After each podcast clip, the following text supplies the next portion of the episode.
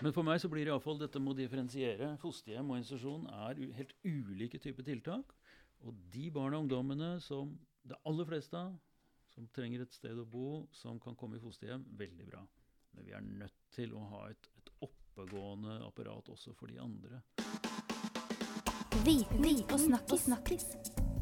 Pod -pod Podkast fra Joa. Viten og snakkis. Velkommen til en ny episode av podkasten Viten pluss snakkis. Jeg heter Halvard Lavoll, og med meg i studio i dag har jeg dosent Jan Store. Velkommen skal du være. Takk for det.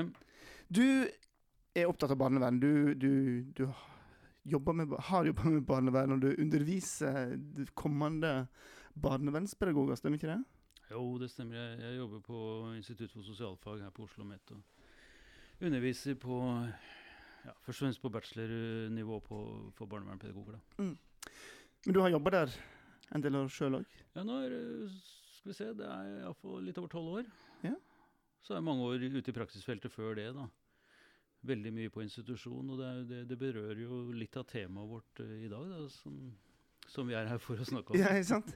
Fordi, altså, barnevern er jo et ofte omdiskutert tema. Eh, sånn, vi kjenner vel alle på at vi er først og fremst glad for at det finnes. Så det er noen som uh, har betenkeligheter rundt det. Og når først barnevernet griper inn, så uh, hører vi om uh, ofte to alternativ for de barna som trenger en ny plass å være. Og det er enten fosterhjem eller institusjon. Og det er dagens tema av store spørsmål. Hva er forskjellen på disse to alternativene? Hmm. Ja, aller først så kan jeg kanskje også si at uh, det som den største gruppa av barn og ungdom som barnevernet har i kontakt med, de bor jo faktisk hjemme mens de får hjelp. Ja. Men, men dette du er inne på, selvfølgelig. altså I den grad altså Hvis et barn eller en ungdom må bo et annet sted Noen bruker ordet 'å bli plassert', andre syns det er et uh, litt vanskelig ord. Det høres litt sånn pakkepost ut, ikke sant? Men altså, Det er et vanlig ord i, i feltet, for så vidt. Men hvis et barn eller en ungdom skal bo et annet sted enn i foreldrehjemmet, så har vi de to alternativene sånn i all hovedsak, da. Mm. Iallfall en veldig grei inndeling når vi skal snakke rundt det. Så fins det noen mellomformer, f.eks. Kanskje vi får tid til å nevne det litt òg. Men ja, enten institusjon eller fosterhjem. Mm. Vi til institusjon først? Hvordan ser en, en, en sånn institusjon ut? Jeg kan ikke liksom se jeg, Som en vanlig familiefar så ser jeg ikke for meg en, eh, en sånn institusjon. Jeg har ikke noen i nærområdet, tror jeg. Nei, og Hvis man tenker på liksom barnehjem og sånt fra gamle dager, så har man jo noen bilder av det fra film og litteratur, kanskje, som, eh, som noen ganger er ganske skremmende, f.eks. Mm. Norske barnevernsinstitusjoner per i dag er jo mye mindre, for det første, da, enn det man uh, kanskje hører om eller har hørt om. Mm, mellom eh, tre, fire, fem og opp til en seks, sju barn eller ungdom er vel De fleste ligger vel innom der. Ok, Så det er ikke flere? nei? Nei, men så finnes det jo en del institusjoner, da, i hvert fall noen rundt omkring, som er organisert i en slags sen sentermodell. Og man kan ha flere sånne enheter, da. Da kan det kanskje bo to i en enhet og fem i en annen, og så har man en felles administrasjon. og så. Så det, det, det finnes jo litt ulike typer organiseringer. Det finnes også institusjoner som har fosterhjem i en sånn, som, som kanskje er en avdeling av flere sånne avdelinger. da. Men det vanlige er vel at, at en enhet, da, eller en avdeling, eh, av disse som man kaller institusjoner eller institusjonsavdelinger, ikke har så veldig mange barn og ungdom. Eh, jeg, jeg, jeg har ikke sjekka de tallene akkurat nå i siste, men en fem, fem, seks, fire, fem, seks barn og ungdom. Og så jobber det da selvfølgelig eh, et visst antall ansatte der. Og det skal jo noen ansatte til da, for å dekke 24 timer hele uka, hele året. Mm. Og da, da er det vel sånn sett to turnusmodeller som man kan liksom uh, se på. Det, det ene er den tradisjonelle turnusen med ja, gjerne mye åtte timers vakter. Det er ikke, også et begrep mange ikke er så glad i, fordi det blir veldig arbeidsplass, liksom. Men at de ansatte, de som jobber der, miljøarbeiderne, miljøterapeutene, eh, er der i la oss si åtte timer av gangen, eller de kanskje de går åtte ganger to, sånn at det går en kveld og natt i ett. Det er liksom den klassiske turnusmodellen. En del som er skeptiske til den, fordi den betyr jo mange brudd da, for så vidt, i løpet av et døgn for de som bor der. Og da har vi jo mer langturnus eller medleverturnus. Medlever, ja. ja. Det ligger jo litt i ordet. Det det. Vi lever sammen med barna. Da, kan man, da er det flere modeller. altså Man kan ha en hvor man er på jobb eh, tre dager av gangen, eller enda lengre perioder. Og så har man tilsvarende fri da, som ansatt. og det det er jo mange som syns det er en veldig god modell. Den har noen problemer ved seg òg, da. Bl.a. blant annet selvfølgelig at eh, da skal du jo være på topp i, i lengre tid. Ja. Altså tre ganger 24 timer, fire ganger 24 timer, kanskje enda lenger. Og et privatliv som uh, legger til rette Jo, for men da kommer nettopp inn dette medleverperspektivet, da. En av de institusjonene som for så vidt ikke er en klar barnevernsinstitusjon, men Tyrili-kollektivet, som starta oppe på Messenalivet Mesnalivet Lillehammer ja, det var vel allerede seint 70-tall. De har jo alltid hatt denne modellen. Sånn, vi bor sammen med ungdommene. altså bor der, Og det er jo på 24-7-365, altså hvor man rett og slett flytter dit. Ja. Og, og har barn og familie, egen barn og familie. Så det er den mest ytterliggående kan vi kalle det, den modellen da, hvor man virkelig gjør dette til livsoppgaven sin. Og det Mm. finnes noen sånne. Vi hadde kanskje mer tidligere, altså det vi kalte for kollektiv. Færre av dem nå i, i, i vår tid. Eh, Si litt om yrkesgruppene som uh, en ofte har, er representert på en sånn Som jobber på en på institusjon. ja. Ja, altså, altså er- Barnevernspedagoger regner med. Barnevernspedagoger er, den- er den åpenbare gruppa fordi det er jo selvfølgelig en barnevernrelatert utdanning. Den har miljøarbeid, skråstrek miljøterapi, her brukes ulike betegnelser, på fagplanen sin. Og jobber mye med både kommunikasjon med barn og ungdom, jobber med aktivitetsfagene som handler om å drive aktiviteter osv. Men så sier man jo at en tilsvarende treårig bachelor fra andre grupper kan også passe veldig godt inn. Og det er jo særlig sosionomene og vernepleierne da, Mm. eh, som, som gjerne regnes inn som mulige andre yrkesgrupper som kommer inn og jobber, jobber der. Men det kan også være både lærere, førskolelærere, det kan være fortsatt også utdanninger som psykolog osv., som har lyst til å være ute i feltet med barn og ungdom på en 24-7-basis, liksom, og virkelig for, for, for det er jo en helt annen type virkelighet Mm. enn f.eks. For, for psykologen å møte en ungdom en gang i uka. Så det fins også folk med andre utdanninger som syns dette er spennende. Mm. Og så er det jo også enkelte steder hvor man tar inn mer folk kanskje i, én stilling i en personalgruppe som f.eks. har en helt annen eh, bakgrunn. Altså, jeg har som institusjonsleder tidligere ansatt folk fra praktiskyrker. Eh, snekkere, elektrikere, sjåfører. Altså folk som har helt andre typer bakgrunner, men som, som ofte som selvfølgelig er nødt til å ha noe eget ved seg. En slags egnethet som eh, gjør at det går an å bruke dem inn i en personalgruppe. Mm. Men det er jo klart eh, unntakene sånn sett. da. Mm. Men eh, hvordan er, er- er dagliglivet på en sånn institusjon eh, for, for de som er der? Er dette en lukka institusjon, eller er det, kan en komme og gå som en vil? og... De fleste institusjoner i, i Norge er jo åpne i den forstand at uh, det, er, det er ikke noen låste dører. Uh, og de eh, Ja, hverdagen er jo, er jo man, man prøver jo stort sett å legge opp til en modell som kan liksom i hvert fall minne litt om det familiære. Selv om det selvfølgelig også er ufamiliært at det Mm. kommer folk og går etter en turnus f.eks.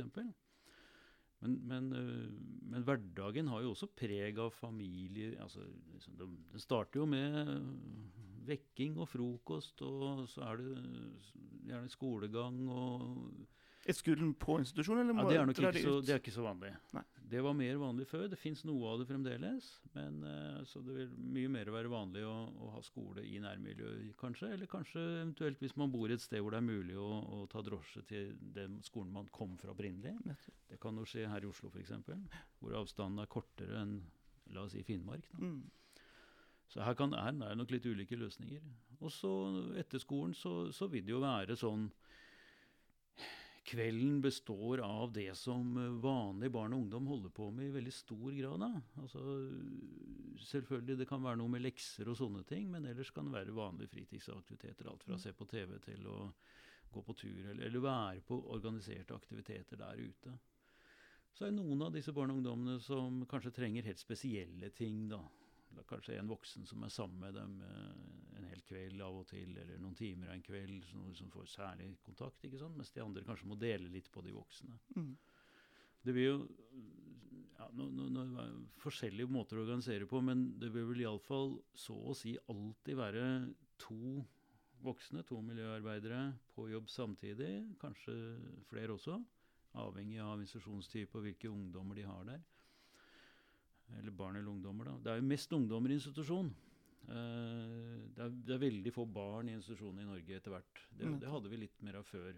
Mens i dag så tenker vi stort sett sånn at barn, det er, det er fosterhjem først og fremst, da, på en måte. Men eh, la, Før vi begynner å snakke om hvem som havner hvor, la oss hoppe litt over på fosterhjem, så vi får det bildet opp i, i hodet òg. Ja. Eh, fosterhjemsalternativet, det er ja. hjemme hos noen helt noen. Ja, så enkelt for så vidt, altså. ja. Det, det, handler jo om en familie som uh, tenker at vi har en situasjon som gjør at vi har rom for det. Uh, vi har overskudd til det. Vi er interessert i det, og, og sikkert også. Vi syns vi kan hjelpe et barn eller en ungdom som har en vanskelig situasjon. Altså En sosial samvittighet, kanskje, ligger også i det.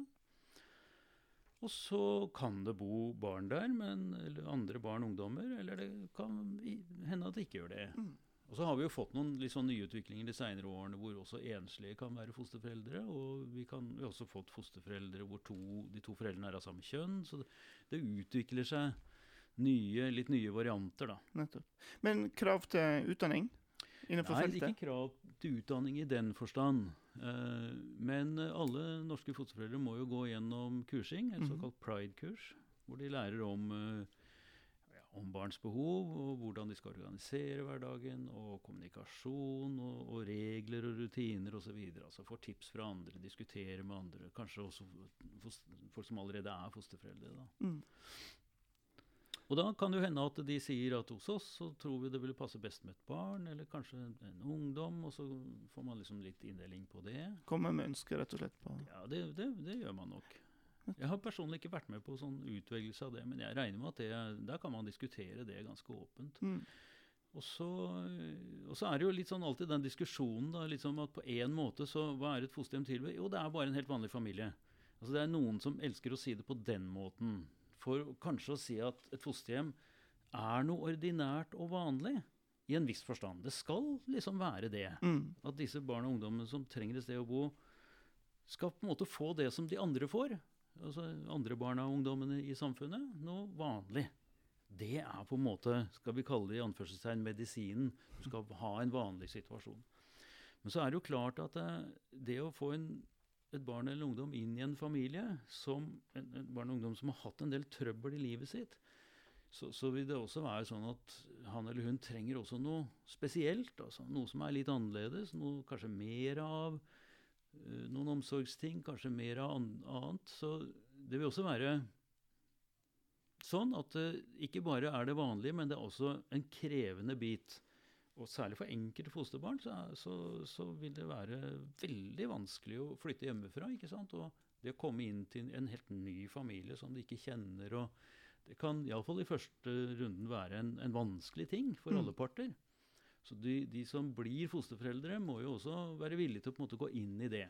Mm. Og de som Fosterheimene og fosterforeldre, de eh, regner med får da faglig støtte fra type lokale barnevernskontorer? Ja, der er du inne på en av, en av eh, hva skal vi kalle det, altså en av de vanskelige tingene. fordi min, min, min mening er at enhver fosterforelder bør ha veiledning. Og jeg, jeg, akkurat jeg har, ikke så, jeg har ikke noe oversikt over personlig hvor mye veiledning man får, men her hører jeg fra fosterforeldre at det er ulikt. Mm. Vi har jo også en form vi kaller for ja, Den opprinnelige betegnelsen har iallfall vært forsterket fosterhjem. Og Det er jo fosterhjem hvor altså barnevernstjenesten da betaler den ene av foreldrene en lønn hvor vedkommende altså ikke kan ha en annen jobb. Dette er jobben din. Tar fri, en, per, per, permisjon? Eller? Det kan være at man tar permisjon fra jobb, vanlig jobb, eller at man rett og slett er hjemmeværende og tenker at dette vil jeg ha som mitt arbeid. ikke sant? Og da, da tenker man at det er fosterhjem man kan måtte kreve mer i oppfølging. Og kanskje man også der vil være mer interessert i fosterforeldre som har en eller annen skal vi si, sosialfaglig, pedagogisk utdanning, ikke sant? og som i en periode har lyst til å, gjøre den jobben hjemme. Mm. Uh, så det, det, kan være en fin, fin, modell. De har nok i litt større grad, det er på mitt inntrykk, veiledning. Fordi da tenker man at det er barn med helt spesielle behov. Mm. Så fosterhjemmet ligger litt sånn mellom som jeg sier, det vanlige, helt vanlig familie på et vis, ikke sant? og på den annen side er jo tilrettelagt. Og det er jo en, en, en, en konstruksjon som, som uh, man må kanskje gjøre en del grep for at det skal fungere godt. da. Mm.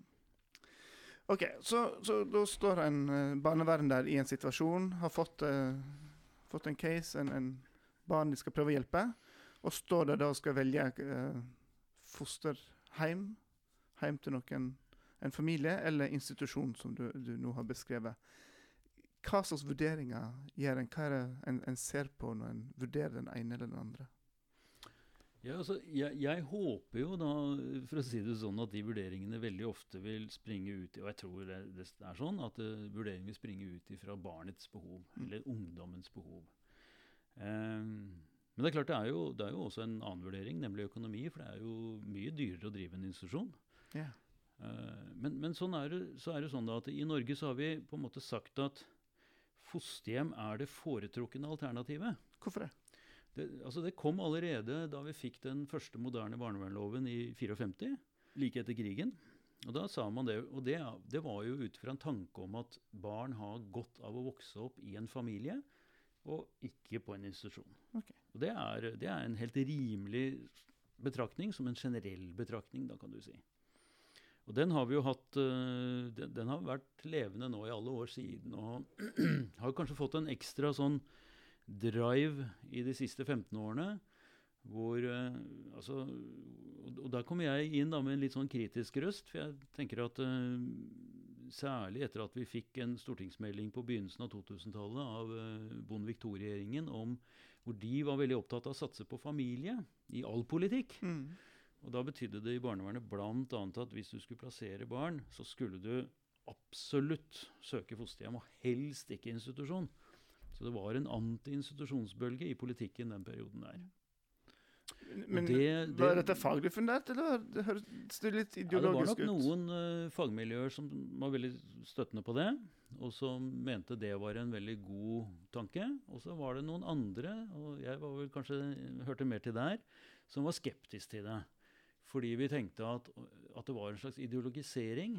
Altså en, en, en sånn familieideologi er, kan ikke styre valgene i den enkelte situasjonen. Det er som du, du var inne på i spørsmålet ditt for, for litt siden. at altså, Hva gjør man? Jo, man må gå til det enkelte barnet og si hva trenger dette barnet? Og i våre dager så er det jo dessuten sånn at vi har jo blitt mye mer opptatt av, av barnets egen medvirkning. Altså, og medvirkning skal ikke bare være en sånn Ja, hva syns du? Det skal jo være aktive medvirkningsprosesser også. Sånn at jeg vil jo si at uh, noen barn bør ikke bo i institusjon, og noen andre bør ikke bo i fosterhjem. Mm. Og så kan vi jo snu det og si at noen bør det ene, og noen bør det andre. ikke sant? Og så er det noe med å finne noen, noen slags sånn retningslinjer eller, eller føringer, kanskje heller, er kanskje et bedre ord, for det. Og det diskuteres ikke så veldig mye på et nasjonalt nivå. Jeg vil jo tro at de aller fleste barnevernstjenester har tenkt mye på det og har sine klare preferanser på det. Det er mm. iallfall sånn som jeg hører når jeg snakker med folk der ute. Da. Mm. Men, men når, du, når, du, sier at du har vært litt sånn uh, motvekt her, hva slags verdier er det du vil trekke fram som uh, institusjonen har, som en uh, ikke må glemme å, å ta med seg inn i vurderingene? Altså hva bid det positive gi. Fordelene med å, gå for institusjon? Ja, altså, institusjoner er um, mer effektive til å jobbe med de vanskelige problemene. Fordi at fosterhjemmene i større grad altså skal være sa, det vanlige hjemmet, på en måte. En form for normalitet? Ja, en form for normalitet som institusjonen ikke, ikke kan helt ha, og kanskje ikke helt skal ha. fordi institusjonen skal altså være et tilbud for de som trenger noe utover det. Og Det er derfor jeg på en måte har vært og deltatt i debatten og, og vært skeptisk til denne veldig sterke ideologiske føringa på at vi skal ha at, at, de aller fleste skal, eller nesten alle til og med, skal være i fosterhjem. For jeg tror at det er noen, eller jeg tror jeg vet at det er noen barn og ungdommer som det ikke er så bra for. Altså det er sånn at fosterhjem Altså, jeg, jeg, får av og til spørsmålet ja, men er, er, er liksom eh, fosterhjem best eller institusjons best? Eller er ikke fosterhjem best, spør man jo gjerne da. ikke sant? Mm. Og da sier jeg jo, det er best fordi det passer best for. Altså vi må, vi må ned på individnivå. Finne ut det for det enkelte barn. Men så er det så så, sånn, altså det er egentlig ikke noe konkurranse om å være best. Det er mer sånn at vi må finne ut hva fungerer for de, det barnet, og hva fungerer for det barnet. Fordi det er to ulike typer tilbud. Og her i vårt rike land så har vi råd til å holde oss med begge typer tilbud. Men jeg må jo understreke at det er, per i dag de aller fleste barn som bor i et barneverntiltak, de bor i fosterhjem. Og sånn skal det fortsatt være. Det er den foretrukne muligheten til å la å gi et barn eller en ungdom da et nytt sted å bo. Vi skal være mest av det. Men vi må ikke være så ivrige på å fremme fosterhjemmene at vi glemmer å utvikle og drive gode institusjoner. Mm. Og der Institusjonene har liksom kommet i mange år nå litt i, i, skyggen, og det har vært snakk om at vi nesten ikke skal bruke det hele tatt. Det har vært brukt et uttrykk som en siste utvei og sånne ting. Det så jeg syns har vært bekymringsfullt. altså. Mm. Det er jo en del av de barna som, ungdom som kommer til barnevernet, som har veldig veldig vanskelige forhistorier. da så kan det hende at man bør vurdere institusjon. Og iallfall så bør man kanskje vurdere institusjon i en første fase. Fordi det er kanskje sånn at, at uh, institusjon ikke skal være et sted å vokse opp. F.eks. fra helt tidlig i livet og helt opp til 20-årsalderen. Men det kan være et sted å komme innom for å på en måte lande litt i den nye virkeligheten. Og så kan man bruke litt tid på å finne det fosterhjemmet. Og så kan barn eller ungdommen bruke litt tid på å finne ut hvordan er det å være under omsorg av noen andre enn mamma og pappa. på en måte. Altså. Men eh, i disse situasjonene, hvor mye framover tenker barnevernet? Altså når du, når du har en, en, en, eh, et barn, tenker, tenker en fort at dette her barnet trenger bare en kort pause fra heimen en, en plass å være? eller eller denne her kommer til å trenge mange mange år uh, med fosterhjemsminister. Ja, altså, hvor mye tid bruker en på framtidsutsiktene når en gjør disse vurderingene? Ja, nei, Det er jo helt avhengig av barnets situasjon og den, hva som har foregått før, og hvor mye man tenker at foreldrene kan komme på banen igjen osv. Tradisjonelt i veldig mange år så har vi i Norge vært blant de som har tenkt veldig langsiktig når vi tar et barn ut og, og plasserer det. Ofte har vi gjort det. England eksempel, har jo hatt mye kortere, kortere plasseringstanke, sånn, altså tidshorisont. Og liksom raskere sendt barn og ungdom hjem igjen. Men jeg tror nok vi er i en fase hvor vi i Norge nå, særlig på institusjonssiden, har mer og mer gjennom en del år nå tenkt at uh, institusjon er et korttidstilbud. Men det er også noen da som, som trenger det for lengre tid. Mm. Når det gjelder fosterhjem, så, så, er jo dette nettopp en av vurderingsgrunnlagene. ikke sant? Når du sitter der med et barn særlig, men kanskje også en ungdom, og så tenker du ja, da, han eller hun trenger et langvarig tilbud. Mm. Da kanskje vi skulle helst tenke fosterhjem. For det, er jo, det, er jo, det ligger mer i naturen at, at, det å bo i en vanlig familie er en langvarig, en oppvekstdimensjon i det. ikke sant? Mm. Mens institusjonene da har, har ofte, altså som jeg sier, mer sånn kortvarige greier. da. Men, men, men det, er altså noe med å vurdere helt konkret hvordan den, eh, det barnet eller den ungdommen uh, har det, og hvordan vedkommende framstår. Og det er jo en del av de, kanskje særlig ungdommene, som kommer til uh, det å bli plassert, da, som har veldig alvorlige og sammensatte utfordringer. Omfattende psykiske problemer, kanskje. Noen ganger ganske utfordrende atferd. Vi snakker om traumer, angst altså grunnleggende skader som det kan ta lang tid å, å, å, å endre på, rette opp i. Og som vil bli for utfordrende for de fleste fosterhjemmene. fordi dette, dette, er ikke noe du bare retter opp ved å bo i et godt miljø. Du må også ha en mer tilrettelagt hjelp. altså mer enn F.eks. i en miljøterapeutisk situasjon som institusjonene tilbyr. Mm. Disse barn og ungdommene kan være utsatt for vold, overgrep, russkader, det kan ha vært, eh, altså Mor kan ha vært eh, i rus under, under, under svangerskapet, ikke sant. De kan ha en sånn totalavhengighet av sosiale medier. Det er jo noe som har kommet mer og mer inn. Og de kan ha en veldig vanskelig og dårlig skoleerfaring, hvor det er mye brudd der. De kan ha hatt, Det er en del barn og ungdom i barnevernet som har krigstraumer. Det har vi begynt å få inn nå de siste ja, 10-20 årene, kanskje. Mm. Um, og en del av de som kommer i institusjonene, har også opplevd brutte fosterhjem. Også. Altså at det, liksom, de må reddes til slutt ut fra en eller annen sånn rekke med mange brudd. Da. Så de kan, ha, de kan være ganske utfordrende å være sammen med. Og så handler det om å jobbe seg inn på en eller annen kjerne inni der, en eller annen menneskelig kjerne ikke sant, som du skal prøve å få kontakt med, og hvor du kan liksom skape en eller annen mening i, i tilværelsen. Da. Og det er, det er, for store oppgaver for de aller fleste fosterhjem å gjøre det. Det er svært utfordrende noen ganger. altså. Ja, det, det Men jeg har jo ikke noe lyst til å snakke fram barnevernbarn som en totalt uregjerlig gruppe heller. Fordi det er faktisk mulig å finne fram til den kjernen noen ganger. Og ganske mange ganger òg. Men du trenger en del tid på det. Og du må ha folk som jobber med det, som er kloke og varme. Det, det, det er veldig viktig. Mm. Men da kan jo nettopp institusjonen egentlig noen ganger ha et bedre tilbud fordi det er mer profesjonalisert. Og så kan kanskje fosterhjemmet være et bedre tilbud i neste fase fordi det ikke er så profesjonalisert. Så du hører, det, er, det er to grader av profesjon i det også, altså, eller profesjonalitet i det. Mm. To ulike grader, altså. Så, så, jeg tenker jo sånn Fosterhjem, bra for veldig mange. Men så er det også to grupper jeg tenker på som ikke bør i fosterhjem. Det ene er jo disse som jeg snakker om med veldig sånn tøffe begreper her, om å ha kanskje opplevd de aller verste tingene og, og tar det ut i kanskje utagering eller veldig vanskelige emosjonelle utspill og som det er vanskelig å forholde seg til. Um, og noen av dem som jeg skal inn på, det er de som ikke klarer nærheten i et fosterhjem. Kom, kan, det er jo litt sånn at man kan tenke at å bo i et fosterhjem må jo være fantastisk. Og selvfølgelig, for veldig mange er, er, det jo på det beste fantastisk. Fordi du får noen som virkelig engasjerer seg i deg. Men så er det en del av de barna og ungdommene som har opplevd mye dårlig, som ikke klarer å ta det imot. Altså det blir helt feil. Det blir paradoksalt nesten et overgrep å plassere dem inn i den nærheten. For nærhet er jo tosidig. ikke sant? Det betyr jo ikke bare at du får noe, men det betyr at det kreves noe av deg også.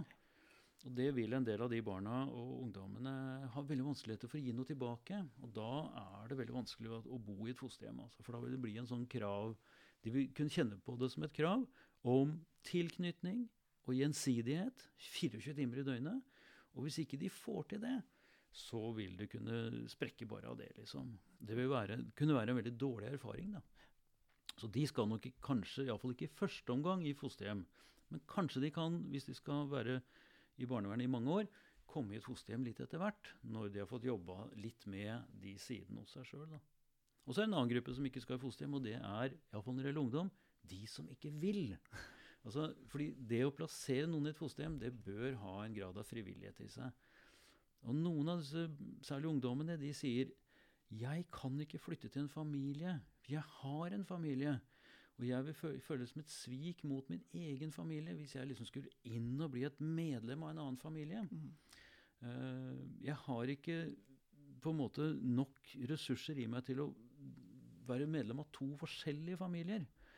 Uh, og noen av dem sier jo også at familie Jeg har så dårlig erfaring med å være i den tette situasjonen i en familie gjennom min opprinnelsesfamilie at jeg ikke orker den tettheten på nytt. Og der skal man være veldig lyttende, tror jeg, til å sjekke ut, og kanskje iallfall i en overgangsperiode si at man tilbyr noe annet, f.eks. en institusjon. Da. Men alder spiller jo veldig mye inn her når man skal gjøre disse valgene. ikke sant? Og det er klart Det lille barnet skal jo i større grad de voksne bestemme for, mens straks du kommer opp i en 8-10 og oppover, 8-10-årsalderen og, ung, og, ungdomsalderen, så må barn og ungdom få lov å være med og bestemme ganske mye av det, de premissene sjøl, tror jeg. Mm. Så du må ha en dialog på det. Ja, det er klart, en kan jo kjenne seg igjen i den der følelsen å komme hjem til noen inn i en helt ny familie. og ja. Den intimiteten der, eh, den kan jo være skremmende eller vanskelig. Jeg husker jo det fra, fra jeg var barn og ungdom, og så var jeg hjemme på besøk hos noen kamerater. Og så hadde de en litt annen måte å gjøre enkelte ting på. Lukta altså, litt forskjellig? Det lukter forskjellig. Noen steder setter du skoene i gangen, andre ganger så går du inn med skoene. Og, og det er noen av de reglene og rutinene og samværsmåtene som er som for så vidt ikke blir snakket om. Det er bare så selvfølgelig at sånn er det hos oss. liksom. Ja, uskrevne regler, rett og slett. Og det er jo greit når du bare er på besøk noen timer, men det sier noe om styrken i et hjem eller et fosterhjems måte å organisere seg på, at det er veldig mye som er selvfølgelig. ikke sant? Og hvis du kommer inn og trives med det og blir godt tatt imot, så kan jo det være nettopp det som gjør at du, du får det bra. Men det er ikke nødvendigvis enkelt, altså. Nei. Du pekte litt på um, Tilbake til overordna her. Du pekte litt på politikken her. Og, og du var helt tilbake til Bondevik II-regjeringen og, og, og, de føringene som var lagt der. Hvordan er den ståa nå? Og, Og, og, dette er vel òg et felt som er stadig i bevegelse fra det ene sida til den andre sida. Hvordan ser du på denne problematikken her framover? Altså, vi, har jo, vi, har jo, fått stabilisert dette her litt nå etter hvert. og jeg, jeg tror, altså Det der at institusjonene skulle være den siste utvei, sånn det var snakk om for ti år siden, den har vi fått dempa litt nå. nå og så har man jo i, i det statlige barnevernet har man jobbet mye med utviklingsprosesser i de institusjonene man faktisk beholdt. da.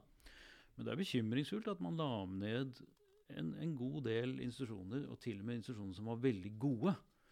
Eh, som, som, alle vi som var i feltet, visste at dette var et, et perlested av en institusjon. ikke sant? Så ble det lagt ned. Det fins det en, en, del eksempler på. Så Det som har skjedd på mellomtiden, da, det er jo at uh, vi har fått en del private aktører. Altså to typer. Det ene er de vi kaller private aktører, og det andre er de vi kaller private ideelle. Det siste er jo altså, skal vi si, altså alt, ideelle organisasjoner som driver, da, men, men, men, som ikke er kommunale eller statlige. ikke sant? Ja. Uh, og disse har jo etter hvert overtatt veldig mye av uh, Institusjons-Norge. sånn at uh, per i dag så driver jo de aktørene flere institusjonsplasser i barnevernet enn det staten sjøl gjør. Så det har blitt en veldig stor aktør. Og Da får man jo for så vidt vurdere det ut ifra f.eks. hva man mener om privat drift. Da vil jo noen si at privat drift er en veldig bra ting, og så vil noen andre si at nei, det er en veldig dårlig ting. Og det, det har jo litt med politisk ståsted å gjøre, da. De beste av de private institusjonene er veldig gode. Og så er det jo selvfølgelig bekymringsfullt for noen at, at, at, noen av pengene er på en måte ikke nødvendigvis går alltid til barna. Mm. Men at det investeres i eiendom, f.eks. Altså, Riktignok eiendom som institusjonen er i, men det blir jo da en økning av kapitalen til de som driver institusjonene. Men så har vi hatt en utvikling til som er veldig interessant, og egentlig syns jeg ganske bekymringsfull. Det er at uh, en del barn og ungdom i våre dager blir plassert i såkalte enetiltak. Og Det er altså Du kan kalle det enmannsinstitusjon. da. Fordi det er jo Du kan for så vidt si at det å være ett et barn eller én ungdom et sted, det kan jo for så vidt ligne på et fosterhjem. da. Der er man den eneste som er plassert. Men så er det ikke et fosterhjem, fordi det er folk som går i en vaktturnus. Kanskje jobber tre dager av gangen, og så kommer det noen nye osv. Og Da kan det være ett barn, og så kan det være en eh, ja, seks voksne kanskje, f.eks., som, som rullerer med en type turnus. ikke sant? Og de, de barn og ungdommen som er i sånne tiltak, det er jo gjerne de som man ikke kunne plassere i fosterhjem fordi de hadde for utfordrende problemer. Uh, men så kunne man kanskje tenkt seg en institusjon Ja, men vi har jo ikke nok plasser. Uh, så vi må lage den plassen hver gang det kommer opp en sånn ungdom. Og da er jo de private aktørene vært veldig flinke da, til å lage det. Kjappe og fleksible. Sikkert. Kjappe og fleksible. Men de, det er masse eksempler på at de krever en god del penger for det også. Så det er ganske dyre plasser. Uh, per i dag, altså Direktoratet for barnevern, uh, Bufdir, hadde en rapport på det nå rett før jul hvor de sa at de hadde 117 barn og ungdom plassert i enetiltak. Og jeg tok en muntlig liten sjekk eh, i Oslo, som er utenfor det systemet. Da ble det sagt at det var ca. 15. Så vi er iallfall oppe i litt over 130, da, sannsynligvis til enhver tid for tiden, da, i enetiltak. Jeg er bekymret for det, for jeg tenker at uh, det kan være veldig gode enetiltak. Det, det finnes, jeg hører fra folk jeg snakker med, at uh, de sier at det er fantastisk, vi får til mye. Og jeg har sjøl også vært med på å drive midlertidig kortvarig enetiltak noen ganger tidligere. Ut ifra institusjon, da, som en sånn som satellitt. Men uh, det er nok sånn at vi vet for lite altså, om hva disse endetiltakene faktisk holder på med. Og det kommer av og til iallfall veldig noen muntlige rapporter i, i, i, vårt fagfelt om at oi, dette er ikke helt bra, her burde noen kanskje kikka litt etter, osv. Mm. Og hvis du sier at det er kanskje rundt 130, da, og man sier at uh, en vanlig institusjon har kanskje fem-seks, så, så kan man jo bare regne seg fram til hvor mange institusjoner vi kanskje mangler, hvis vi skulle dekket opp det der. Ja. Og da sier det noe om at vi har hatt en politikk på dette området i en del år som har tatt fra oss en del av et apparat som, eh, som vi nå kanskje skulle hatt mer av. Altså. Det, er, det er min tanke. Men eh, jeg tror at institusjoner vi har, i veldig stor grad driver veldig godt. Altså. Det, er, det er mitt inntrykk når jeg snakker med dem og når jeg er på besøk osv. Men vi skulle hatt flere av dem, og vi skulle hatt de fagmiljøene som på det beste er veldig gode til å, til å hjelpe de barna og ungdommene. Mm. Jeg, jeg, jeg vil bruke så kraftige ord og si at for noen, det er ikke så veldig mange, men for noen barn og ungdom så vil det være nærmest et overgrep å presse dem inn i en familie.